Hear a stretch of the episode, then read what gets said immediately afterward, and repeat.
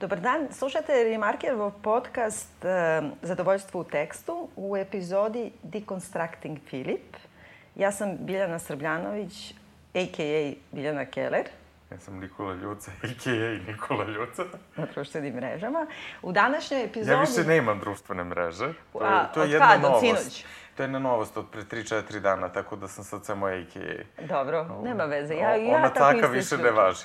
Dobro, isključujem, uključujem, nije ni važno. Imamo društvenu mrežu koja je važna, to je Remarker, Jeste, Remarker to, Media. To vodimo svi. To vodimo svi i zapravo o tome govorimo o društvenim mrežama zato što tu možete ipak da vidite epizodu kada je izašla. Ova epizoda je malo posebna zbog toga što smo se odlučili na jedan zaista krupan zalogaj, a povodom smrti do sada verovatno najvećeg e, živog uh, američkog pisca Filipa Rota, e, koji je umro pre nekih nedelju dana, desetak da. dana. I to je nekako promaklo ovde, zatrpano raznim nekim dnevnim događajima, frustracijama, neurozama, a sam sam taj gubitak za literaturu, za svet umetnosti, književnosti, i uopšte kao kraj jedne čitave epohe je A to je stvarno kraj epohe? Da.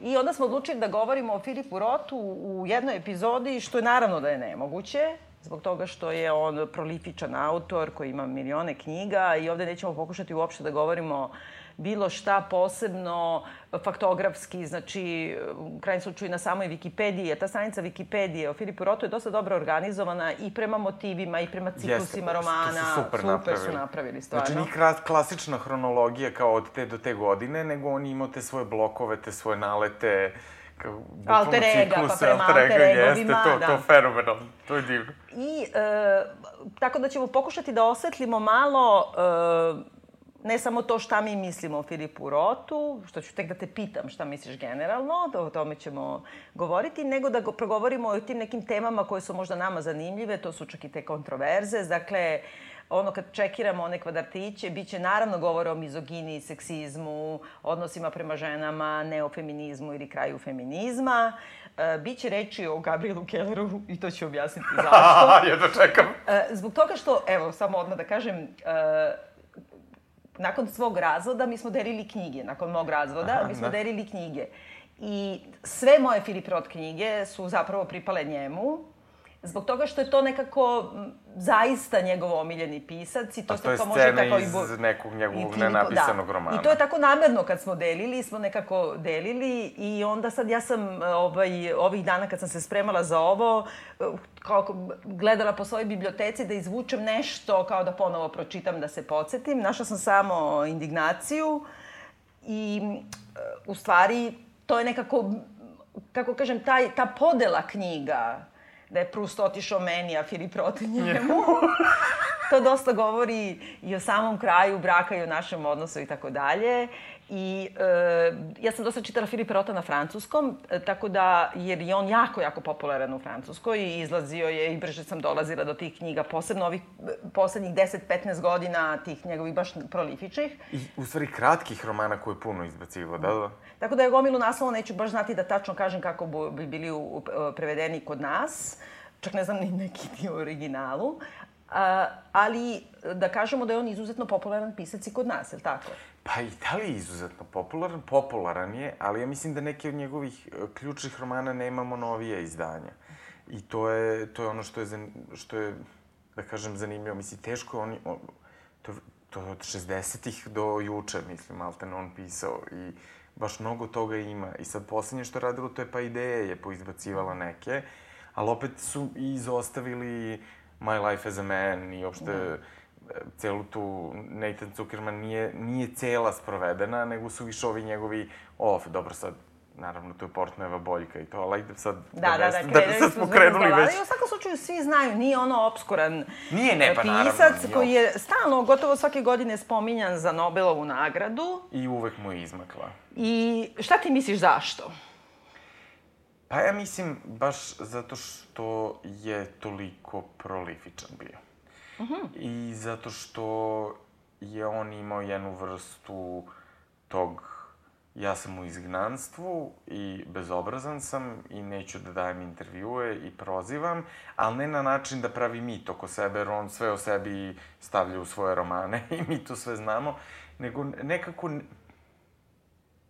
kao da je bio trendsetter koji se nije bavio time da je trendsetter. Ne, ne, ne znam kako to da mm. da kažem. Meni je to ono što je zanimljivo kod njega. On je, on je tol, uticao na toliko pisaca, a nikad se nije postavljao to kao ja sam hodajući mit, ja sam to. A da. znao je da bude bezobrazan. Ne znam da, zašto da, mu je pa dobro, on je autističan tip i mizantrop. Za njega govore da je mizogin, ali on je meni pre svega mizantropičan tip. Ali mislim, mrzi sve. Da, naravno, naravno, nemam ja ništa protiv, uh, nego jednostavno mislim da... Uh, I mislim možda neka poetska, uh, poetski razlog bi bio možda i u tome uh, što je on ipak staromodan, zadnjih dvadesetak godina, pa čak i više, kra, od kraja 90-ih, on već postaje... Piše jako klasično. Piše na, na način jednog vremena koje je zapravo prošlo. Ali Mislim, je to opet uživanje čitanja. Naravno. Voliš Rota, ajde da krenemo. Da, da, da ono. Kako ti to... se sviđa Rot? Mnogo, kako to, ja ne znam kako to kažem, mnogo, mnogo. Mislim, on mi je bio jedna od bitnih stvari to kad otkriješ pisca. I kad kreneš, i to se sećam tačno, I sad ja znam to ime, ja znam to ime i nikako da počnem da čitam. I sad drugi pisci koje ja volim američki se pozivaju na njega, a ja nikako da dođem do njega. I u stvari sećam se, Jelena Stanković, direktorka fotografije, osoba koja mi je prva dala njega, ona mi je dala Deception, mhm. -huh. njegu baš to na engleskom, i ona, ona mi je rekla, ovo si ti, ovaj roman, kao ovo kao da si hm. ti pisao, tako mi je da... Kao da si ti pisao ili kao da si ti junak? Ne, ovo si ti pisao. A, ne kao dobro. da sam ja, onako... Ovo, Ma da kako je to da, pošto Jeste, on uvek piše o sebi, da. Da. I to je jedan, to je jedan roman, on, ja koliko znam, to nije prevedeno kod nas. Uh, to je jedna dijaloška forma, muško i žensko, i meni je taj roman stajao tako jako dugo, da bi ja u stvari odslušao prvo audio knjigu, pa tako da ponovo pročitao roman.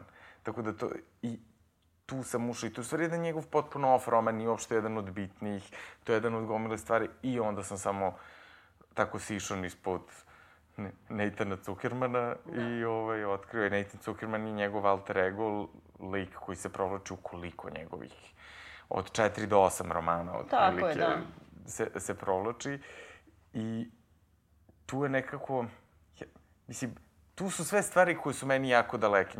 Njegovo odrastanje, kontekst u kome je on odrastao, njegova vrsta ljubavnih problema. Znači, tu nema onog momenta ja sam se identifikovao sa tim ali i, postoji taj moment kako on ulazi u to kad priča o sebi. Jer ti vidiš da on priča o sebi, da on, ali da on to diže na jedan nivo prave fikcije, da to nije sad neki onako ispovedni trash, a nije ni, ni, ni Proust, ni Knausgor, da do te mere to sad iskrena iskrena i, i beskreno detaljna ne, ispovest, pa da ti sad kao saznaješ nešto što inače ne bi mogao nikada pristupiš nečijem životu. To je jedan poseban moment, to ću posle da kažem za Knausgor.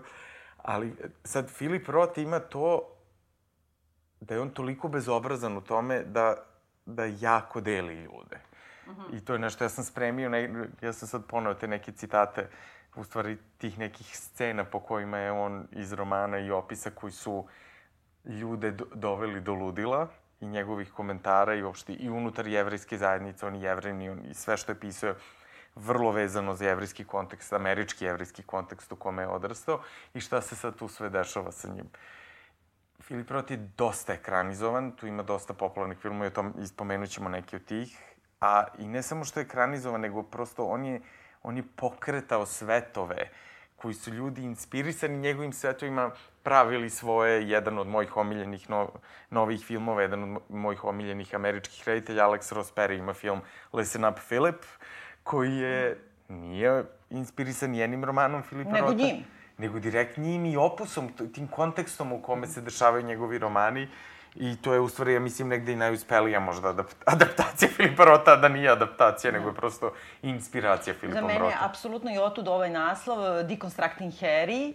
Dobro, I u stvari se kad sam se vratila da. ponovo ovaj, Rotu, e, i nekako prisećala zašto ga ja volim uprkos tome što izrazito ne volim njega kao osobu i e, ne volim ekranizacije, ne volim e, glumce koji glume njega, odnosno njegove alter egoe. Da. I tu mi čak i, i izbija u prvi plan ono što nekako i potisne š, kad čitaš uh, ovaj, njegove knjige i, i tu bih citirala Linu Danam u onoj epizodi koju smo sto puta spominjali. Jeste, koju smo se bavili. Koju da. smo se bavili, znači to je poslednja sezona Girls, pa mislim druga, treća, šesta, ne znam tačno koja je Šesta, epizoda, valjda. da, ono kad, kad se suočava sa onim uh, sexual harasserom pisem i onda ima u jednom trenutku, ako se naši slušalci sećaju, kad ona gleda njemu po knjigama i onda izvadi, sad sam zaboravila šta, ali mislim životinja na izdisaju, čini mi Da se li baš. Dying Animal ili Partner's Complaint? Da, jedna od te dve.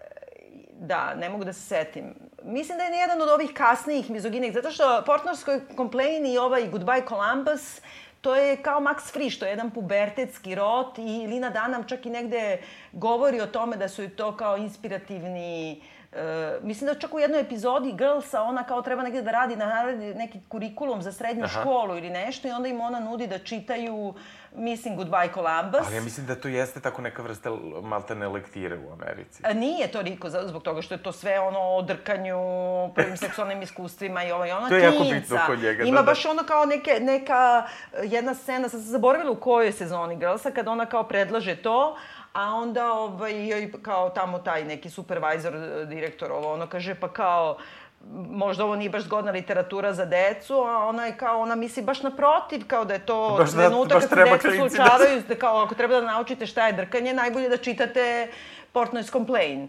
I, Ali ja mislim da je to genijalno. Ja, ja ne mogu ni da zamislim šta je to značilo mladima kad se to pojavilo u tom trenutku Ima, bre, 60-ih. u jednom- Ja mislim da je to nešto nestvarno. Na, ima u, u dokumentarcu BBC-a, koji je odličan, stvarno, ono, nešto trosatni dokumentarac iz dva Kad ga- dela. Kad ga intervjuiš ovaj. Kad ga, kad ga intervjuiš, ali ima razni, ima Salman Ruždi kad kaže kao koja vam je najbitnija knjiga, on kaže naravno Portnoy's Complaint i onda kaže imam tu knjigu koja je toliko kao ono sva isavijana i umašćena i islekana na određenim stranicama. Stranicama, I don't wanna know that, kao suviše informacija, tačno znam šta je Salman Ruždi radio s, s, Ali super je kad Salman. Rushdie to kaže tako naravno. otvoreno. Ali hoću da se vratim na ovo, u toj uh, epizodi kad se govori kao o seksizmu i mizogini, ovo ono, on joj pokloni, taj pisac pokloni Leni Danam potpisan primerak sad jedne od, od Zuckerman knjiga. Zuckermanovih, da, da. Ne mogu da se setim tačno koja. I onda ona kaže, ja, ovo je moj omiljeni pisac, ovo, ja znam da ja njega treba da mrzim i da je on mizogin i sve, ali ja ipak mislim da to kao je transgresija, da je on veći od toga i tako dalje. I ja se bukvalno tako osjećam kad čitam njegovu literaturu, e, ti sad tu imaš i kliše i to te nerviraju, ono, pogledi matore drtine na mlado žensko telo, pogotovo u poziciji moći i tako dalje, a onda s druge strane, on je zapravo iznad svega mizantrop. I nekako onda mi, nekako to lakše prolazi. A kad gledaš filmove, e, nekako se to ovaplopa, ovaploćuje. Znači ti sad vidiš ovog Ben Kingsleya koji onaj, em, kako se zove, ovaj njegov profesor, kako se zove onaj, Kapeš, Kepeš. Kepeš. U, da. E, I nekako ga vidim tog kao matorog ćelavog sa Penelope Cruz, kako U je filmu gleda. Elegija, da. da. Mislim, ono, Ali ja mislim da je to jedna od uspa, uspelih adaptacija. Da. Pa to svi kažu da je jedna od uspelih adaptacija, a mene što je, užasno nervira. i, mislim, to je režirala ipak žena i, i s te strane je to zanimljivo. Zato što je ona uzela, mislim, to je kao, kao kako, mislim, to je kao lik, ja sam tu imao neku čak paralelu sa klavirom, jer, od Jane Campion, jer lik Harvija Keitela kako, kako ipak takvu osobu, kad gledaš i žen, kad je ženski pogled na takvog muškarca, na nekog Da. tako tvrdog i sirovog, to se opet menja u nešto drugo i Samo što za razliku od Jane Campion klavira, ona je žena, uh, Holly Hunt je žena Fantastično. koja je potpuno uh, u supresiji svoje seksualnosti, a ovaj Harvey Keitel je tog trenutka toliko virilan i zgodan da meni ono dođe ono kao, seća se kad sam To to, gledala, kad je on Jane pipne onu... slikala, to je da, kad je pipne onu rupu na huliškama, znaš? Da, da, da. Jao, evo mene, Harvey stiže, dead lieutenant, I'm all yours. Tačno. Ja sam inače za zlog poručnika od uvek bila. A, a, a ovde nema to, jer on je nekako mali, gadan, ali on ipak nju zavodi i ja nekako u samom filmu Elegija ne vidim čime Ben Kingsley nju zavede. Mada ona tu dobro igra to, zato što on do kraja, ona to nikada, nikad ne skine ne, jednu, jednu nijansu gađenja na licu kada je da. u kontaktu sa njegovim zapravo umirućim telom. Yes. Tako da, od svih filmova, meni je najbolji... Nešto sad kad sam čitala ponovo kao rotu i gledala te sve knjige koje nemam, nego su kod Gavija, ali se prisećala... Um, odjednom mi je sinulo, čoveče, koja je ovo veza sa Woody Allenom? Neverovatno. I onda sam vrtela nešto malo i setila se Deconstructing Harry. I našla sam onda e, da je Ebert, odnosno kako ti kažeš? I... Roger Ebert. Ebert. Da. Ja kažem Ebert. Ebert. kako je on pisao ovaj, 97. kad je izašao Deconstructing Harry, kako je to zapravo film o životu Filipa Rota da. i o njegovim odnosima sa njegovim privatnim okruženjem uh, i sa njegovom literaturom. I naravno najosnovnije ono kao jevrijsko poreklo u Srbija, u, u njujorška Srbija, ne znam, iz, iz vrlo sličnih porodica, E, to kao, kako kažem, denunciranje porodičnih problema i svih ljudi oko sebe, isto godište, isti odnos prema mlađim ženama i tako dalje. Čak isti odnos prema humoru u početku, u Portnoju i u vrlo. a kasnije ovaj prestaje da bude duhovit, a Woody Allen nastavlja. Pa, zato što je drugi istina. žanr, u stvari. Istina, istina. Ali u stvari na početku, ti znaš da je, da, da je Filip Roth čak i, i radio jedno vreme ono kao stand-up comedian. To je potpuno početci Jeste, neke drame, dan dan na samom početku. A, šta, ja mislim da isto što je jako bitno za njih dvojicu, to bi sad da pročitam te jedan deo iz nekih intervjua, im, dobro, pošto sam ja sad bolesnik, pa imao čak i knjige intervjua, jel, Filipa Rota, i što je jako zanimljivo, to, e, najbolji prevodi na našem, našim jezicima je u stvari Bajbuk, znači sarajevsko izdanje, to, to je perfekcija. Naši su u redu, ali nekako to kako je Bajbuk radio, ja mislim da je Ja mislim da je to nešto što je posebno, ali ima nešto ključno za njega i njegovom tretmanu, i da krenemo od toga detinjstva i njegov odnos prema holokaustu i šta je američkim piscima i jevrejima bitno. I sad kad kaže, ali vi ne govorite da je vaša tema u tim knjigama bio holokaust, to je sad kao pitanje. Ne, naravno da ne, sigurno ne na način na koji je tema Starionovog romana Sofijin izbor. Mislim da za jevrijskog američkog pisca ne postoji isti podsticaj ili začudo, čak neophodnost kao za hrišćanske američke pisce, kao što je Staron, da uzmu holokaust tako ogoljeno kao temu, da mu posvete toliko moralnih i filozofskih razmišljanja, toliko mučne i besne mašte. Kroz jevrijske živote to se odvija manje vidljivo i manje spektakularno. I to je način na koji se volim baviti time u prozi. Za većinu kontemplativnih američkih jevera, rekao bih, to je jednostavno prisutno, skriveno, zaronjeno, izranjajuće, nestajuće, nezaboravljeno. E, vi ne koristite to, to koristi vas. I to je tako dobro. Vi ne koristite to, koristi vas ta nagomilanost istorije i porodične i kont kako on to rešava i nastavlja zasigurno koristi Zuckermana. Postoji izvesna tematska arhitektura u mojim knjigama za koje se nadam da će postati primetna kad se sve objave u jednom tomu. Ne mislim da će svi biti oboreni na kolena mojom konceptualnom veličanstvenošću. Samo mislim da taj mali komad papira u Zuckermanovom novčaniku možda neće izgledati tako beznačajno. Ne, ne, savršeno, savršeno. Uh, u Francuskoj su objavili kao Plejad, to je ona čuvena izdavačka uh, kao edicija koji izdaje kao sabrana dela najvećih Pa da. Najvećih, ono, i onda, ne znam, Rot je nedavno, mislim, pre godinu dve, e, gotovo sva njegova dela su sabrana i on je jako, jako popularan tamo i vrlo ga često upoređuju sa Balzakom. I to sam baš razmišljala, zašto Aha, baš sa... Znaš zašto? Baš ono što bih ja sad rekla, prvo, zato što je Balzak takođe dosta seksualizovan samo za svoje vreme. Jeste, vrlo. I drugo što je Balzak čovek i to je ono kao, to je ono što čini Rota u stvari e, demode za Nobelovu nagradu, čini mi se.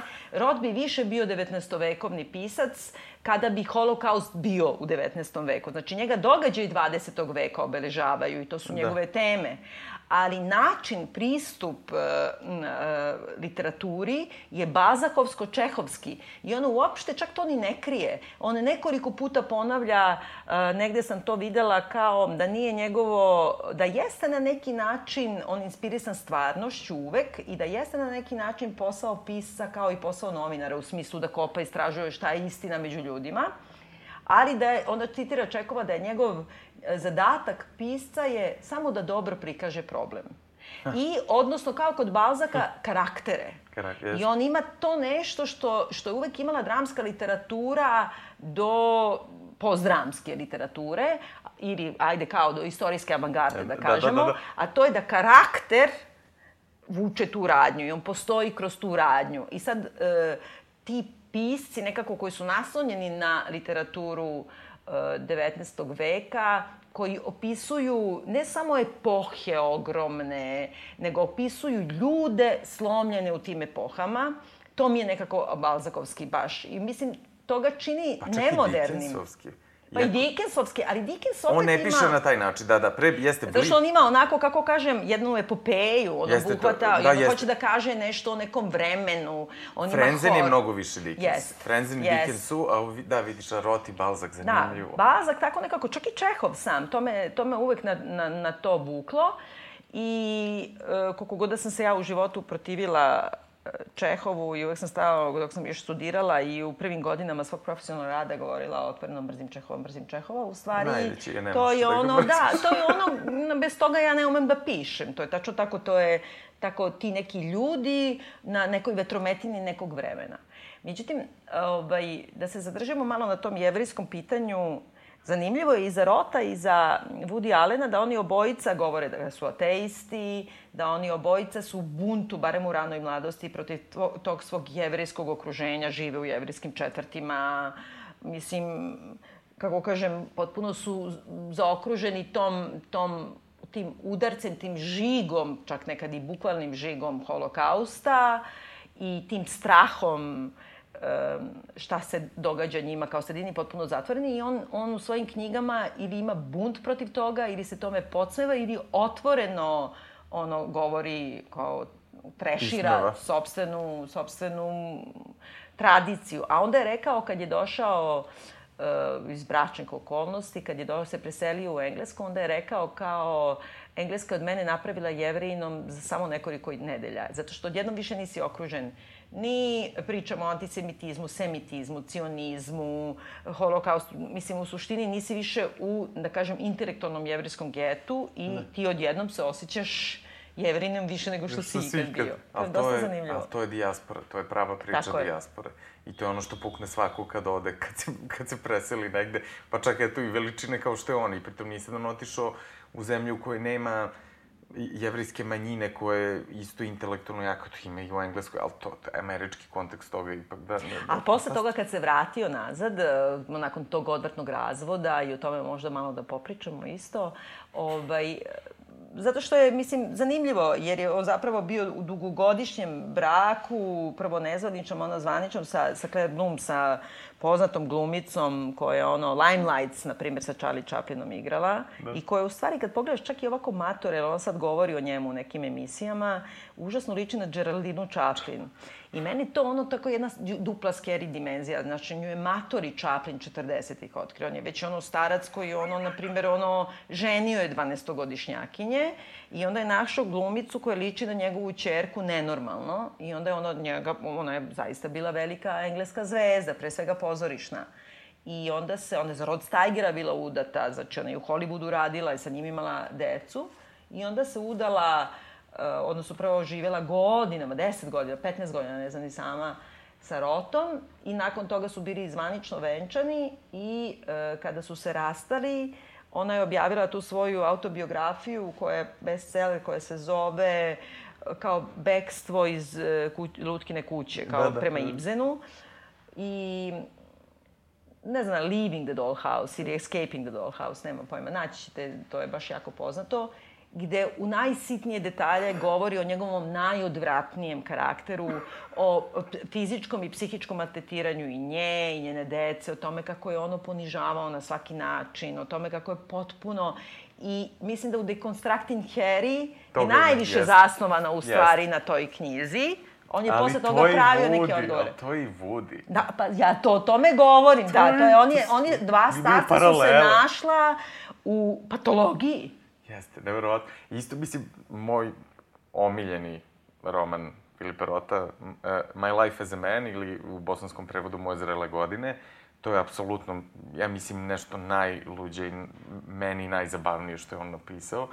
I tu ima toliko paralela sa Woody Allenom i sa tim koji, sa, jel, uh, piscem koji se ženi sa čerkom iz prvog braka svoje žene koje je još dete. Mislim, to su Totalno, da. Su nevjerojatne. Mnogo pre nego što se to desilo Woody Allenu je to napisano. To, on kao Woody, život Woody Allena je Da, u toliko život- stvari eho i romana i života Filipa Rota. Tačno, a filmovi Woody Allena su eho života Filipa, Filipa Rota, Rota. a samim tim i romana, jer on zapravo gotovo i neskriveno piše o sebi.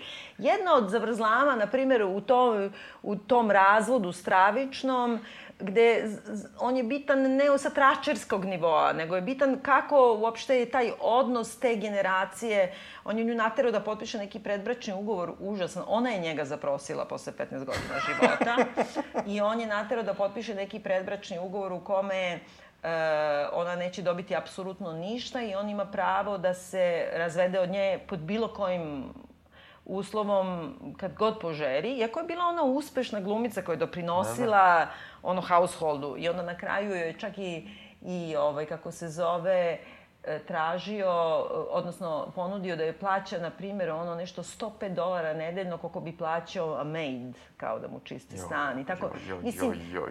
i to je sve to potpuno javno, onako, nije to ništa, i nema veze to sad, nije ni tu borba oko para, to je jedna mržnja prema ženi, žena. Ali između ostalog, ono što je poteglo taj razvod među njima i raspad i ovaj jadna žena završila i u ludnici i tako, pa se posle izvukla. Koji većina junakinja njegovih romana, tih žena, su imale ozbiljne mentalne poremeće od samoubistava do pokušaja samoubistava, nervnih slomova. Moje zrele godine su o tome. Da. Pa znači da je on težak sadista bio i da je jako ono, kao maltretirao te žene, a s druge strane, na primer, e, on je na neki način denuncirao istinite događaje iz svog okruženja, što svi pisci rade. Ali ipak nekako to zamumulje i malo se i brinu da će On se sad nije to neko... Ne, brinuo. ne da se nije brinuo, nego je uzeo i ovu imenom i prezimenom nazivao Šta? tako. A onda je, evo sad samo jedna bizarnost, pošto u prvim, prva dva filma koje su bile relativno uspešne, koje su rađene prema Rotu, su taj Portnoy Complaint i ovaj Goodbye, Columbus. I tu igra onaj Richard Benjamin, koji tako posle, znaš, on je sa jakim obrvama, jedan znam, glumac koji izgleda kao da je sta... Da, on je ništa. Ali on igra tu glavne uloge i on je Kako već... smo ga, on je ništa.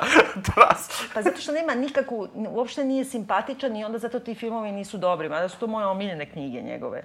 Te dve, jel tako? Aha. Pa ne znam, nemam ni jednu omiljenu knjigu, imam najomraženije, ali nemam ni jednu Koje ne? omiljenu. Aha, moraš da mi Pa kažeš ja mislim ovaj. Sabat Theater bi rekla. A Sabat je, aha, dobro, ja sam to odslušao i seć, u nekom trenutku polu sna na putu do Sarajeva sam slušao i povratku i tako. Ne, taj Miki Sabat, to je mi ono najgori njegov Jeste, alter ego, on on je bolesnik. Mada kažu da je prema njemu rađen lik glavni u Being John Malkovich. Genij. Ali ti vidi... Ovaj Kaufman da je to pisao prema njemu. Pa da, beskrajni. Pa da. To su beskrajna, ono, ne. sala ogledala i eha. Pa da, neverovatno. A hoću da kažem, o, taj, ovaj, kako se zove, e, glumac Richard Benjamin, on igra u, u oba ta nastavka mladog, zapravo, Portnoja, odnosno mladog e, Rota. Rota e, tako, u svojim nekim prvim otkrivanjima seksa i opsednutošću seksom i tako dalje. I sad, e, Deconstructing Harry, kad sam ukapirala da sam skroz u pravu, da je to zaista... Da je to to. Počinje prva scena u Deconstructing Harry, molim vas da ponovo pogledate, jer to je stvarno jedan od boljih uh, Jedan od najboljih, da, da, da, Fenomenalan apsolutno. je, da. I e, počinje tako što imaš, ne znaš sad da li je to onaj mizoma avim, da li je to film u filmu, Film, nego da, da. samo vidiš scenu u nekoj ono buržoa suburbi u Connecticutu, na primjer, neki ljudi roštiljaju i tu je kao Julia Louis Dreyfus, koja kao je sestra domaćice, čiji muž u, so, sobi i gleda kao utakmicu.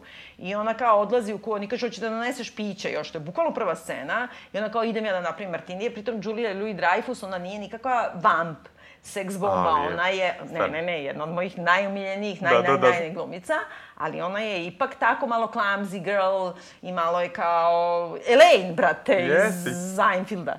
I ona ulazi u kuću i zatiče ovog Richarda Benjamina, on igra tog muža Pa i sa njim odmah ima seksualni odnos To to. i kao vidi se da varaju e, sestru, što se ovome stvarno desilo sa ovom I oni se, ona se zove Claire, znači sve je isto ime. I sad tu je meni zanimljivo, pa šta je glumac koji, kao si ga zaboravio da postoji, koga pamtiš po, po tome što je igrao, dakle, Portnoja, ovaj, e, ona kao mogu brzinski da imaju felacio i onda kao ona samo što se sagne dole, on nešto vikne kao evo je kao moja sestra i ova ga ugrize za falus. I to je, da, direktno, i onda ovaj viče, onda on kaže, nemoj tako da me prepadaš i ne znam šta, onda on kuka i posle ima neka smešna scena, nailazi slepa baba, nije ni važno, ali ono što je Woody Allen želeo da kaže o e, njegovom odnosu prema Filipu Rotu, ogleda se, onda ti sad vidiš da je to Mizanobim, da je to film u filmu, ogleda se u tome da u prvoj, prvoj sceni, maltene u prvom kadru, junakinja koja je zapravo ova Claire Bloom, odnosno Elaine, ti odgrize kitu. Znači, to je želeo Woody Allen da kaže o Filipu Rotu. Krenemo od toga da te ugrize za kitu i o, I o sebi. sebi. Za razliku od Woody Allena, Filip Roth je bio ozbiljan frajer. I to... Ne. Jeste. Ma ne. Jeste, pa ti kad vidiš njegove fotke, to je jasno. On je onako visok, pleća, crn, to kao... Pa on je baš, ovo, dobro su naši ovoga Richarda Benjamina, ja meni Viš, to nešto... Meni nije, meni on baš... Meni on sta, star, izgledao je matori kad je imao 20 godina. Jeste, ali je bio to kao imao, imao, nije imao taj vibe nekog tako čudaka, uvrnutog Da, da, da, pa dobro, nije kepec, mi... slepi kepec, dobro, slažem se, slažem se, pa ne, to hoće, i tu ne, i on stalno, mislim, u onim svojim prvim romanima piše o tome kako su ga, to baš starije žene reagovale na njega, su se zbunjivale da nisu mogu da nađu taj, da objasne to kao kako on odjednom sad tako izgleda i koliko on kao uspevao da se krije sa tom svojom građom od svih svojih bolesti koje je bolovo, da je stalno mm. bio nežan, su svi mislili da je on neki mnogo zajebani sportista i to nešto, a on je u stvari se sasvim slučajno tako izrodio. Jeli, a koji je roman ono kad imaju polio? Uf, sad. Da, to je problem sa tim što se takvi naslovi da se potpuno mešaju. Meni se sve meša. I ne samo što se meša, nego su motivi toliko slični. E, 40, ma kako 40, od, eno, 60% njegovih romana počinje isto. Mm. To je sad dečko i otac, otac radi ovo, oni su ovo i sad je smeštanje u kontekst i sve džerzi i sad ovo je ova radnja, ovo je ova radnja i onda meni uvek su ti početci nekako isti. On uvek sve smešta u, u iste I to je super, to se vidi u, u tom BBC-ovom dokumentarcu, to postoji u, u Jersey, ti, ti imaš ture Filip Roth, sad te da, vode, da, ovo da. je ta ulica, ovo Ima je ovde. Filip Roth Plaza, na, na primjer, I to je je, divno, da, da je dobio. slatko je, da. Da. da. Da li je on mizogen? Ajde ja tebe da pitam. Pa, kako da kažem, ja mislim da on pripada toj generaciji e, muškaraca, plus je ono toliko egoističan i opsednut sobom, plus je mizantrop, da pripada generaciji muškaraca koji uopšte ne razume šta je mizoginija, nego je to jednostavno ono normalno, to je, kako kažem, sa majčinim mlekom. Ono, pan, pan je na, na, nameran, ovaj, e, nekako popio. Tako da je on mizogin, e, Da. Ali ne sada šta je tu problem. Nije on da je nesvesno mizogin, on je svesno mizogin, ali ne sada šta je tu problem, ja mislim.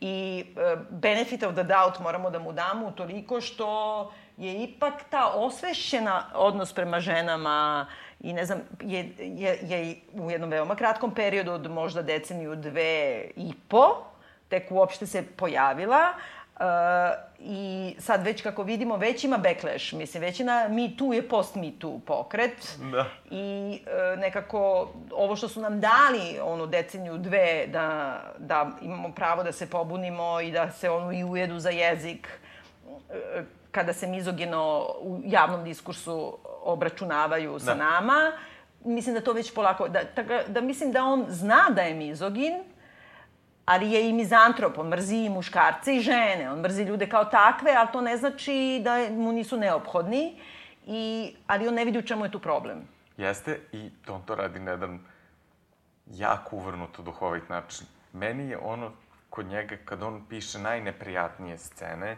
i naj i seksualno eksplicitne i ogoljene i emotivno i životno, on to radi to što ti kažeš da je to sad je on mizantrop, to, ali to je neka tako jedna vrhunsko sark, sarkastična mizantropija koja koja opet na neki način i slavi sve to što on mrzi. Nekako, razumeš što hoću kažem? Ja se, da. se, pe, ja se sad petljam malo u to što pričam, zato ja njega ne doživljavam kao, kao nekog mizogenog, jer on, on je obsesivan i on, je, on se do te mere pušta u svoja ludila i svoje banalne obsesije i svoje nesigurnosti prema ženama, da Da se, da se on A ti misliš da on nesiguran prema ženama?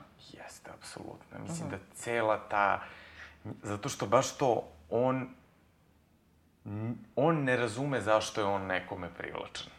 Uh -huh. I on je toliko neurotičan, on, ne bi, on se ne bi toliko izolovao, on se ne bi na taj način zatvarao i bežao isključivo da je on samouveren. Jer ja mislim da neko ko je zaista, um, zaista mizogen na način na ko, koji bi bio neki pisac, to je neko ko gazi i ko preuzima. On je nesiguran. On je i dalje jevrijski dečak ko, ko, za kome su šikse, jel? Mm -hmm. Nešto što je nedostižno i od čega on ima frku. Ali nije mu nedostižno, on je ceo život bio oženjen šiksama, on je ceo život, e, kako kada kažem, kreso šikse. Jeste, ali to je, to je urođeni, to je urođeni kompleks. Evo. Da, misliš da to ima veze sa njegovim jevrejstvom? Apsolutno. Mhm. -huh. Ja mislim da to ima veze sa tim konstantnim getom iz koga ti hteo, ne hteo, ne možeš da pobegneš i to što on priča, ta, ta paranoja da će ako je sa jevrejkom, da će to biti mu, dete koje ima problema, jer su oni toliko... I kada on priča o incestu, koliko je to nešto što jevrejska zajednica navikla zbog, zbog te svoje izolacije. Mm -hmm. Pa i u moje zrele godine ta, ima te na, užasno potresna. On to piše jako duhovito, a mene, meni to, do, mislim, to su ti momenti smeješ se, onda hoćeš se raspočeš kad shvatiš koliko je to istinito. Kad on shvati da ta devojka, sad, po, posle dugo vremena, on je sa nekom koji je jevrika, da ona tajno čita knjige iz biologije i genetskim mutacijama da shvati da li će oni u stvari da se zeznu. I to je to. I to je, i to je nekako kraj. I to, to, i, to ima jedno isto od mojih najomiljenijih američkih filmova u poslednje vreme, Two Lovers. Uh, Joaquin Phoenix i Gwyneth Paltrow, to je, is, da, evo, sve, sve, sve isti univerzum, znači ovo je neverovatno što nam se vrti. Ali dobro, nije neverovatno, to smo mi, mi to nosimo taj, mi smo doneli taj univerzum. A to je inspirisano Belim noćima, ali opet to je, to isto je veliki, je, um, to je reditelj jevrejsko-ruskog porekla James Gray, odrasta u Bronxu. I u stvari šta je problem uh, lik Joaquima Phoenixa, se vratio svojim roditeljima, probao da se ubije, imao nervni slom, sve to. Zašto? Žena s kojom je dugo bio, oni su shvatili genetskim testovima da će oni da, a da oni ako imaju decu, da će, da će ta deca imati mnogo zdravstvenih problema i mutacije i ne znam ništa. I ona to nije mogla, ona njega ostavila zbog toga htela je da ima svoje dete, nije htela da, da usvoji. I koliko je to mm. meni onako grč, grčki patos, mm. jedna težina od koje ne možeš da pobegneš i to je to. I on mora se vrati kod svojih roditelja i oni njemu pokušavaju da nađu drugu ženu, a on u stvari mašta o toj bezobraznoj, ludoj, nadrkanoj Gwyneth Paltrow koja živi dva sprata iznad mhm. -huh. i sad šta se tu dešava, sad sam ja otišao u neku emociju, ali da, to je nešto Da, to je mnogo što... zanimljivo. Znači ti u stvari misliš da je njegovo jevrejstvo, jer on posle, posle tog povratka iz Engleske, on u tom nekom drugom intervju BBC-u koji sam negde skoro slušala na radiju BBC, kao kad mu ovaj kaže vi ste jevrijski pisac, ovaj kaže ne, ja sam američki pisac, ja pišem na, na engleskom, ja ne pišem na, na jidišu ili na hebrejskom. A, a Ruždi u ovom prvom intervju govori da je baš taj njegov sarkazam i te teme obsesivne, to, to ga čini, humor ga čini jevrijskim piscem, kao, ne znam, Singer i ono. Ali ti misliš onda da je to njegovo jevrejstvo u stvari kako da kažem, da se izrazim, e, te teme biologije, znači krvi i tako dalje, a ne religiozne teme ili... Uh -huh. Ne, on, kod njega religija nije bitna, ali zajednica i to nasledđe koje imaju i to isključivanje, i taj košar, mm -hmm. i sve to, i svo to Izolacija, odvajanje da. koje je imao. I kad on priča, kad on sad ide na taj koleđ i onda uče, a mi imamo posebno jevrijsko bratstvo, mi smo ponosni prvi koleđ u Americi, u Vermontu, koji imao jevrijsko bratstvo, to smo sad... Mm -hmm. I stalno je to, i, ali i stalno je u grupi, i stalno je izolovan, i stalno su šta I su... I stalno ka... hoće da ode od toga, zapravo, da. I tu su te devojke to nešto drugo što njega Pa je to baš u indignaciji, tu se pojavlja ona Olivija koja, koja na primjer, baš Indignacija u koleđu... užasno potresna, ne? Jeste, jeste, da. I to je baš da. roman, u stvari ogorčenost, tako je prevedeno. Ogorčenost, ogorčenost je naš prevod i, i postoji, može da se kupi, ima i film koji je poprilično pristojan. Uh, tu ima baš nešto što je neko ko je na to je neko teško kaže, ali kad vidiš da je neko ko je na zalasku karijere, na zalasku života, mm -hmm način na koji se on vraća u detinjstvo tu, a ne partner's da. complaint. Eto. I tu je dobro uopšte, mislim, moja teorija takođe je, kad sam se podsjetila ogorčenosti, kako si rekao da je prevod, ovaj, tu je zaplet zapravo dečko, jevrijski dečko koji ide na koleđ i koji ima u sred Korejskog rata ima oca obsesivnog koji se boji da će mu se nešto strašno dogoditi. Da. I koji ide za njim e, kao neki neki duh, neki crni oblak koji mu na neki način priziva i proriče neku strašnu, a istovremeno on ima to neko kao prvo seksualno iskustvo i zapravo ima prvu e, prvi felaciju, zapravo je mu je prvo seksualno iskustvo sa tom devojkom Olivijom koja posle završi u ludnici i za koju se ispostavi, opet, da, da, da, za koju se ispostavi u stvari da je sa svima imala seksualna iskustva i tako dalje. Onda beše jevrika, je li tako? Ja mislim da jeste. jeste. E, znaš šta je meni tu zanimljivo? Naprimer, eho toga mi je sve jasniji i jasniji. Sad kad sam se podsjetila toga, je u Mad Menu, koja je meni yes. možda sigurno najveća ovaj, serija prestižne televizije, veća čak i od Sopranusa i od The Wire. Apsolutno. Uh, je, ako se sećaš lika onog Ginsbura, onog e, copywritera koji yes. se pojavljuje od pola, što na kraju sebi odseče bradavicu i stavi je kao u poklon da bi se oslobodio od tog nekog šuma u glavi za koje misli da mu dolazi od kompjutera, u stvari u stvari njegov problem je to što se on rodi u, u koncentracionom logoru. I ima oca sa kojim živi, koji pravi taj negde žive u Bronxu ili ne znam već gde, gde žive jevreji 60-ih, koji je bukvalno kao čale e, Filipa Rota i koji opsednuto stalno ide za njim i misle da će mu se nešto strašno desiti, a istovremeno nema nikakvo seksualno iskustvo, nikako, znaš, da on stigne nešto do 27. 8. Ni, nikad Ni, da nije. Da I onda ima tu neku neurozu koju prebacuje u potpunu kreativnost dok ne stigne do, to, do toga da odseče sebi dojku. A to mi opet ima veze sa ovim uh, romanom baš Dojka, mislim da se zove. Ne znam kako je prevedeno i da li je prevedeno kod nas. E, ovaj, e, to nisam čitao. Pa to je kad, to je bukvalno kao metamorfoze Kafkine, kao jedno jutro se probudio i pretvorio se u sisu. I on je, je ima ceo, znaš. Sve, da, to, on, to je uvek kad je ovaj Kapeš, glavni una, kad je da, alter ego da, da, mene nervira. Tu mi je i ovo, i, i životinja ne izdisa i to. Taj mi je najgori u stvari. On je stvarno dojka i onda on ide u bolnicu, njega masiraju, nešto ne znam šta mu rade. I majke mi ceo taj e, ima jako veze, to nisam nigde pročetala, a sad ću da krenem da googlam, a ako ne, ja ću da patentiram. Znači da Ginsburg u Mad Menu je, je zapravo Philip Roth. Filip Roth u mladosti. Aha, i to, viš koliko ga ima svuda u svemu što volimo. Da. On je, on je naš DNK. Ali sad to što si pričala za oca i to, pa... Uh, uh, Peter Tarnopol lik uh, koji u stvari izmislio Netana Zuckermana, taj, taj pisac, roman po kojem, kojim se on proslavio, kojim on kao taj fiktivni lik i fiktivni roman kojim se on proslavio se zove Jevrijski otac. To mm. je, i mislim, film Shine, koji je bez veze o Davidu Helfgutu, pijanisti, mm -hmm. to je to. On, otac koji prenosi emociju iz koncentracionog logora na decu. I to mm. postoji To je, na primjer, nešto što su naš, naša psihoterapijska i psihoanalitička društva puno radila sa izrazkim, su baš te traume koje se prenose generacijama. E, tu postoji saradnja zbog jel, razumevanja te prošlosti i kako to utiče na porodice, to je kad deca ne mogu, deca imaju poremeće u ishrani zato što su roditelji to imali mm -hmm. koji su prošli logore i takve stvari. Mislim, to je to je taj krug. Pa dobro, deca imaju poremećaj u ishrani zato što roditelji imaju poremećaj u ishrani, a pogotovo sa takvom traumom. Sa to tim je PTSD na, na drugom kolenu, u stvari. Transgeneracijski PTSD, Tako da. je, tako je, da. I ono koji je somatizovan, koji se zaista pretvori u organski poremećaj. Meni je jako zanimljivo to kad si spomenuo taj, uh, taj otac, pogotovo u Portnoju i u ovome Goodbye Columbus, Naš, to je stvarno otac Rota koji je imao problem sa crevima i on je na kraju uh, umro od raka creva i na kraju je on govorio o tome kako je otac došao u onu najgoru situaciju da nema nikakvu kontrolu nad svojim uh, vršenjem nužde i da je u stvari samo dozvoljavao kao nekada bi jeli, sedeli da jedu i kao u pola tog jela bi on žurio da ide u toalet i onda u stvari nije stigao na vreme i onda je sa, diže od stola svoga sina Filipa da dođe da ga opere i to isto spominje ova Claire Bloom u toj uh, autobiografiji da je pri, bila prema tome strašno ciniča. Ali je zanimljivo to što baš u Portnoju znači na početku njegovog života i njegove da. karijere, on ima tu kao jedan motiv koji se stalno ponavlja, a to je i baš negde ima taj citat kao drkao sam pre jela, drkao sam posle jela, drkao sam tokom jela. Tokom jela. I čak i u filmu porno ima kad se on diže, kad mu oni lupaju na vrata, jer Ćale ima problem sa crevima crev- i nikad se ne zna kad će da, da ide u klonju. I moraju da A utrače. ovaj kači mamin brushalter tako da zakači bravu od, e,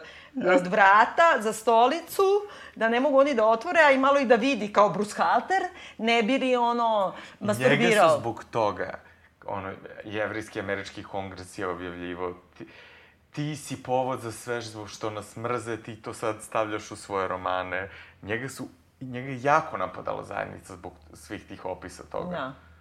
Pa da, to ima, a to ima, tela sam da kažem i u Deconstructing Harry ima jedan od junaka onako koji, kao, Woody Allenov junak, koji ima problem sa crevima, otac pot, ona isto to. izgleda kao u filmu glumac ovaj, u, u mislim, u Kolamba, ne, u Portnoju, tako ćelav sa tim naočarima, stvarno je njegov ćale, a s druge strane, obrati pažnju kako se zove onaj film koji je rađen, ne film, nego roman, kada je on bio ono u Pragu i kada je onda išao u Izrael na suđenje onom Ukrajincu koji su... je li to koga- Praška orgija ili... Praška orgija, je li tako? Da. E sad, evo... Ne, ne, ne, Praška pomiš- orgija je o samom, o samim e, ovaj, demonstracijama Cijama. u Pragu i to. Jeste to iz, od druženja Ne. s Kunderom i sve to. Tako kad je. je. krenuo.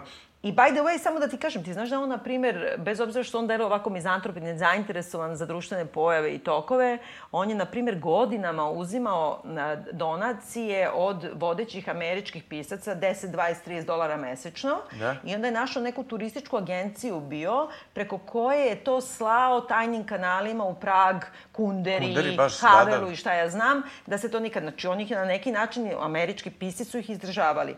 A ovo ne mogu da se setim, bre, kako se zove, znaš, to čak ima i dokumentarac kad su kad su Izraelci uhapsili tog Ukrajinca koji je bio SS eh, čuvar logora, Ivan Grozni, operacija Šajlok ili u Šajlo, Šajlok, da, da, da, da. Kako se I zove? to sam slušao isto audio knjigu. I više, Da. to što sam slušao audio knjige se slabije ipak sećam. Aha. Uh, jer to, to je tako u tim putovanjima. Treba i ovako to, kao da. ja da radiš, znaš šta ja radim? Ja slušam audio knjigu i čitam paralelno. O, dobro, to sad, ja, ne, ja to slušam zašto ne mogu da čitam u prevozu, Razumem, pa da, ja da. zato slušam. E, tu ima taj Ivan Grozni, na primer, i onda je cela, ceo zaplet oko njega u realnom životu je što oni, Izraelci, to su stravični zločini koje je on vršio, baš užasni. On je mučio ljude, baš na jedan stravičan način, da sada ne detaljišem u logoru, ali oni nisu sasvim sigurni zbog tog njegovog generičkog izgleda. On je ćelav i ima naočare isto kao Rotov Ćale, Ćale, isto kao Woody Allenov Ćale i oni ne mogu da tvrde da je to on. I onda ima baš u dokumentarcu nekom kada tom pravom Ukrajincu Ivanu pokazuju mu njegovu iskaznicu SS e? i piše jesi ti ovo na slici? On kaže I don't know. Ne znam, ne znam ni ja. I oni ne mogu da znaju i on ne može da zna. I on bukvalno izgleda isto kao Tako. Rotov Ćale, kako ga Rotov Ćale predstavlja. Kako je to sve tako nešto izmešano u glavi, kao najveći mučitelj, ali i neko kome ti odeš pa pereš guzicu u 90. godini života, kako se taj cikl života završi tako što oni tebi peru guzicu, pa ti njima pereš guzicu. Misliš što sam sad rekla jedno opšte mesto, ali... Ali nije, evo sad i mene je to nekako kako potreslo sad što si rekla, zato što, Šta je on politički tebi? kako šta je politički? Pa političkog opredeljenja. Mislim, on je jasno, kako da kažem, Pa on je prava intelektualna američka levica, ali ona bezobrazna koja se zatvara. On, Da. on je Bernie Sanders, sigurno. Da, da, on je da- Bernie Sanders, da. To da. mogu nekako da Samo što potpišem. vjerojatno prezire Bernie Sandersa jer misli da je Čiča iako je ovaj stariji od njega. njega, da, ali da. to, on, to, on, nije, on se nikad nije tako izjašnjavao, mislim, na taj Mislim, isto sam to negde slušala u nekom njegovom intervjuu kao kako je on nereligiozan, a religiozan, kako ga uopšte ne zanima to i ima taj Woody Allenovski kao nisam ja kriv što smo sami u kosmosu, kao ne Jeste, jeste, kriviš zbog toga i tako dalje. E, ali onda, kaže, sve to bilo do trenutka dok se nije pojavio Bush i ceo taj talas newborn Christians ili evangelicals kao, kao Bush. I onda on kaže to postaje mnogo sada važnije ne biti samo da kažeš da je kao me, kao ja sam nezainteresovan za religiju, nego treba biti kao agresivno, aktivno ovaj, ateista. I onda baš u tom intervjuu govori, oni kao nešto govore, to je bio kandidat Obama tad, prvi, m, prva kampanja Obamina, kao šta mislite o trenutnoj kao i toj kandidaturi, on kaže to bi bilo izuzetno ako bi on mogao da pobedi, ali kao Amerika nikada neće izabrati crnca. I ti sad vidiš nekako da. kako bi on rekao, jer dan danas Amerika nije izabrala jevrina. Bernie Sanders je jevrin. Bernie Sanders ne bi nikad pobedio na izborima jer je jevrin, jer je to i taj se korak, znači preći izabrati crnca, ženu, pa tek onda jevrina. Ali ja mislim da je on ono Rooseveltovski tip, ono, FDR. Pa da, Bernie Sanders. A to je Bernie pa, Sanders, da, da, to je New Deal, to je to. On da. je odrastao u, u, u takvom jednom ma mi ćemo ovo da uradimo i nam, mi ne želimo, nama nije luksus da ne znam bude šta nego da ovo držimo. Mislim, ta, da, ta da. vrsti, ono, to mi priča nekako u svojim romanima. Ali ja, ja sad držim ovakvu knjigu, sad, ja sad hoću da vratim malo na humor njegov. Dobro. I na, i na te, i to po čemu je on genijalan, te neprijatnosti u kojem dovodi i čitaoce i društvo sa svojim opisima i to. Evo, znači ovo je, su moje zrele godine. Nathan Zuckerman, jedan od glavnih i najboljih alter ega u istoriji Tako. umetnosti. Tako je, koji postoje apsolutno. Pored Nadežde. da, da, pa dobro. dobro. Šalimo se, šalimo se. U, e, znači, ovo je sad bosanski prevod, pa ja nekad ću malo jekavicu, nekad neću. U vrijeme kad je Zuckerman trebao da diplomira u školi za vojne policajce, Sharon je bila brucuškinja na Juliana Junior College u blizinu Providensa. Svake večeri mu je pisala skandalozna pisma na ružičastoj hartiji s monogramom s nazopčanim rubovima koje je Zuckermanova majka poklonila toj pravoj maloj dami pred polazak na fakultet. Najdraži, najdraži. Jedino o čemu sam mislila dok sam igrala tenis na času fizičkog bilo je kako četvronoški idem preko sobe prema tvom kurcu i onda pritišćem tvoj kurac na svoje lice i volim tvoj kurac na svom licu. Samo pritišćem tvoj kurac na obraze, usne, jezik, oči, noši, u, oči i uši, obavljam tvoj veličanstveni kurac svojom kosom i tako dalje. Ta reč koju između ostalih on naučio da go, uh, on naučio da govori, ohrabrio je da koristi tokom seksualnog čina i također zbog nadržaja preko telefona i u pismima, imale veliki uticaj na mladu devojku zatvorenu u studentskoj sobi u Rhode Islandu. Da. A sad Biljaninu facu da vidite, Zato to je nešto da posebno. Da Ovo je ja, trebalo da ja radimo video. Ja ne volim seks u literaturi. Svaki put kad loptica pređe preko mreže, pisala je Sharon, vidim tvoj predivni kurac iznad nje.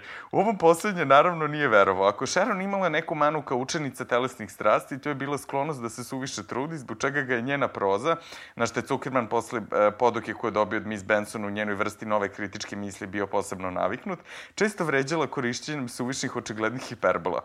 Umesto da na njega deluje kao afrodizijak, njen stil ga je često razdrživao svojim banalnim insistiranjem, podsjećajući ga manje na Lorenca nego one šapirografine, šapirografirane priče koje njegov brat krijumčari u kući iz Mornarice. Posebno je njeno korišćenje reči pička modifikovano rečju vrela i kurac modifikovan rečima veliki i predifan uh, ili obema odjednom bilo podjednako prosto i suvišno jednom rečju podjednako osjećajno kao njegovo korišćenje ili zloupotreba prideva ljudske. Ali zapravo nije jedna od najduhovitijih stvari ikad. Meni ovo stvarno nije smešno. Da kažem. Zato što, da šta je meni smešno? Meni je smešno, sad ću da ti kažem. Ajde obrt na to, me, šta je meni smešno? Meni je smešno kada, o, evo da se vratimo na Deconstructing Harry, kada uh, Woody Allen uh, sa svojom ženom, alter egom od njenih svojih žena, kad ona kao postaje od, od psihijatrice, postaje ono kao praktikantkinja ortodoks džu i onda kao kreće da se moli pre svega i onda kao treba kao da dođe kao blow job i onda pre nego što kao se nagne na njega, onda ipak kaže ha ha ha ha ha. to je meni smešno, ali meni, ja ne volim uh, seks uh, ali u literaturi. Do koje mere ovo ironično? Jeste, slažem se, ali mene to... književnosti, kako Znam, ono njemu piše erotska pisma, pa da. to je briljantno. Ali ja nekako, meni to ono, ja, čini me uncomfortable, ne znam, ja ne, ne volim da čitam scene seksa, E, pogotovo ne tako eksplicitne. Mislim, moram ti kažem, e, da. ovaj, i to je mi nekako pubertetski, ne znam. I, i, znaš šta, e, nedavno su studenti naši radili e, produkciju TV drame po, po, ne znam, našim nekim dramama sa dramaturgije i onda su uzeli moju trilogiju, što je moja Jasne, prva da. drama. I onda sam ja došla u jednom trenutku da ih posetim na snimanje, oni su imali profesionalne glumce, a sve su radili studenti i tako. I to će I na RTS-u da bude, jel tako? Da, da. I Milan Marić igrao Dobro, to... u jednoj od epizoda. I ja baš ulazim tada kad kažem, i oni meni kažu, znate, sada snimamo snimamo scenu seksa i sprazit ćemo studiju, ali vi možete da ostanete. A Milan Marić počne da se smeje, kaže, ona da ostane. Ostane nikad. A ja sam već na kraju hodnika. I to se razmišljamo, dakle, uopšte scena seksa. Jer, znači, ipak sam ja to pisala 95. Znači, pre mnogo, mnogo godina. I tu stvarno ima neka scena nekog brzinskog seksa dok su... Ali... koja liči na ovu uvodnu scenu iz uh, Deconstructing Harry. Znači, kao, da. uh, dva su para u nakrst, pa ovi su u drugoj sobi, ovi će sada kao na brzinu. priča. Tako je. Da, da, ja sam to skroz zaboravila i sad to više nikad ne bih napisala, a i kad bi ga napisala, napisala bih tako samo da bude nešto... U off prostoru. Na, pa ne, ne, ne, ovo je kao trebalo da bude na sceni, ali nešto brzinski i ne znam šta. Ali ta sama situacija u kome naš prijatelj i naš glumac koji Da, da. zna moju umetnost Da, da. i zna kako ja uopšte razmišljam kao ona, Ona. da ostane na snimanju, ahaha, ja sam već bila na drugoj kraju akademije. Tako da nije to nešto, e, nisam ja, kako kažem, konzervativna i to, nego meni je to višak koji me stidi, postiđuje me. Ne nasmejava me, nego me postiđuje. Ali ja volim taj moment kada ti možeš da budeš kao umetnik duhovit na temu seksa, a u isto vreme bolno iskren, znači da sve svoje neke frustracije i fetiše i to staviš, a, a da nekako napraviš pometnju u društvu zato što to radiš.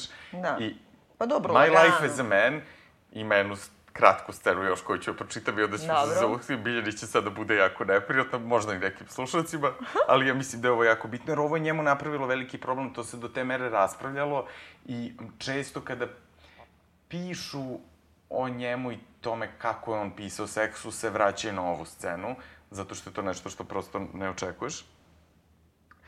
Potpuno opčinjen, Zuckerman izurio niz hodnik u tu golu devojku koja se uvija, baš kao što je rekao, nasađena na plastičnu dršku četke za kosu, ili na vagin... bre, čekaj, čekaj, čekaj. Ili na vaginalni aplikator gela, a jednom na tikvicu kupljenu u tu svrhu tog jutra. Pogled na tu dugu zelenu tikvicu, sigurno, si, e, sirovu naravno, kako ulazi i izlazi iz njenog tela, pogled na ćerku kralja Rajfšusa kako sedi na rubu kada rašenih nogu, pohotno podajući svih svojih 1,72 nekom povrću, bio je najtajenstveniji i najjači prizor koji Zuckerman ikad vidio u svom do dušu ovozemaljskom životu. Biljana me sad Ne, mrzi. ne. Mislim, ne želim uopšte o sebi sad stvorim neku sliku kao neke ono kao, kao prud. Ne radi se uopšte o tome, radi se o tome just do it and shut up about it. Let's not talk about sex. I, e, dobro. E, Pričamo o rotu. Pričamo o rotu, smo. mora, znam. u slavu to, njega, ovo je da. u slavu Jeste, njega i toga što Meni on je piše. lakše zato da to čitam na stranom jeziku. Mislim, lakše mi da čitam kok i prik, A imaš distancu, zato što imaš ipak distancu. Imaš da. nešto nego da kažem, nego da kažem ovo što kažem, mada e, i to je uopšte u mojoj poetici, ja koristim puno psovki i ovako u, Da. u mom diskursu i u, i u mojoj literaturi uopšte, ali one su nekako, e, kako da kažem, nikada nisu bukvalno to što je to, nego uvek su nekako imaju ovo, molitva pred blowjob. Mislim, imaju neki uvek obrt u okviru psovke. Tako da kad kažem serem ti se i u tebe, s, e, to ima jedan poetski značaj, A, na primjer, u podcastu samo... mnogo više ja psujem. Ti si vrlo redko, ja Pa sam ne, ja koji- psujem, ali uopšte naše psovke u tom dnevnom diskursu, one su kao samo da pojačaju, one su emfaza, je li Znaš, tako? ono treš ispitivanja, ono, ljudi koji su inteligentni psuju puno. Jel tako, da? Da, da, to ne, ja jako to- mnogo psujem i volim psovke da ih koristim, ali ne volim opise seksa. Ja volim, meni je I to da super. Naravno, osjećamo, dragi slušalce, da je moj otac, pokojni, e, koji me sada gleda iz roaminga, ovaj, rođen u Nikšiću. U Nikšiću, da, da, čisto- smislu da objasnimo malo i ovu malo cijelu situaciju. Listen up, Filip, ajmo samo toga. E, da, se ajde, da. molim. Ja ne volim taj film, moram da priznam. Ne dopada ti se Ne, stvarno? zato što on meni baš millennials, millennial take. Ja kad vidim tog glumca, ono, kao sa onim mladežom i onim džemperićem, super meni on ono dva šamara prvo pa da razgovaramo i kako ti uopšte možeš da zamisliš ti mali isprtku jedan, ono, nafazonirani, ono, Dakle, znaš. to je film Aleksa Rosa Perija od pre nekoliko godina. Alex Ross Perry je jedan, jedan moj junak, tako da... I šta je to jako bitno, tu igra Elizabeth Moss. Da. jel, Meni Mad je Men. čak i ona loša tu. Meni je ona tu genijalna. Ona je posebno genijalna u njegovom filmu Queen of Earth, o kome smo To nisam pričali. gledala, ja. Kad smo pričali o Polanskom, jer su to citati na Polansku. Evo, Dobro, sve da zaokružimo. Znači, sve pričao, smo potekli. da, da, ja da. sam, evo, evo, pravimo e, hiperlinkove svega. Ove, I to je film koji je, jel, da ima lik koji se zove Ike Zimmerman, koji je u stvari Nathan Zuckerman, koji je u stvari Da. Philip Roth, koji je pisac koji je izolovan, i mladi pisac koji želi da bude on. I meni je to genijalno kad, kad se oni sad nalaze u jednom trenutku i Ajka kaže ovom mlađem, jezivo si arogantan, a ovaj kaže, ja sam to doživio, pa ja to doživljam kao kompliment. ovaj Jeste bio je- kompliment. Da, jeste, da.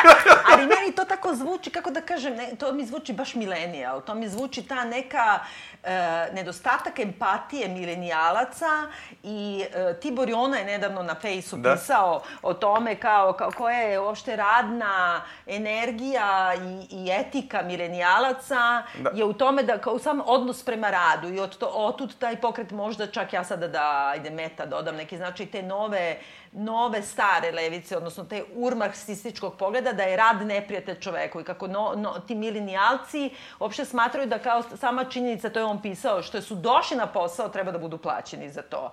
I e, taj, taj, e, to je ono što ja govorim da milenijalci imaju uvek na ciparama pogledaj izjedene e, pete, jer ih mrzi da dižu noge dok hodaju. I sve je u stvari blam. Blam je da radiš, blam je... A nije, Alex, I tako je ovo, Alex tako je da to. jedna, blam je da si empatičan, blam je da si etičan, blam je Ali on da je vrlo imaš... ciničan i on vrlo osuđuje to. Mislim da je Alex baš neko ko... ko Ja mislim da se on sam sebi sviđa jako. Joj, joj, ne znam, ja sam gledao sve njegove i čitao intervjue i ja se nadam da ćemo uspeti sa kolegama sa Pančevo Film Festival da ga dovedemo u Srbiju, to nam je plan da dođe da predstavi. Uh, Od inostranstva bila sam u Zemunu, običe to mi je i Pančevo, znači to ići to. ćemo, Ići iz ćemo. korespondencije, E, ići ići ćemo u. Pančevo Film Festival. Mislim da smo sada baš odvalili. Je, tu smo, okej du- smo. dugačko traje ova Ali vredi, epizoda. ovo je, Da. mi, mi mu Ali dodeljamo... nismo dotakli ni 10% onoga, Onoga šta tu sve šta može. mislimo i znamo i želimo, možda da ćemo se... Ali evo, ovo je ovaj, tema. Ajde, napišite eh, kog Filipa Rota eh, najviše volite ili koga najviše mrzite. Da. Koji vam Eh, se koju film- njegovu inkarnaciju ili Da. o filmu i tako dalje, a za nagradu ćete dobiti jednu knjigu Filipa Rota, upotrebljavanu, što bi rekao Salman Ruždi, ovaj, iz naše lične biblioteke sa našom posvetom. E, znači, najbolji i najzanimljiviji komentar. Hvala, Ljuca Aka Ljuca. Hvala Srbljanović Eka Keller. E, čujemo se iduće nedelje. Je prijatno.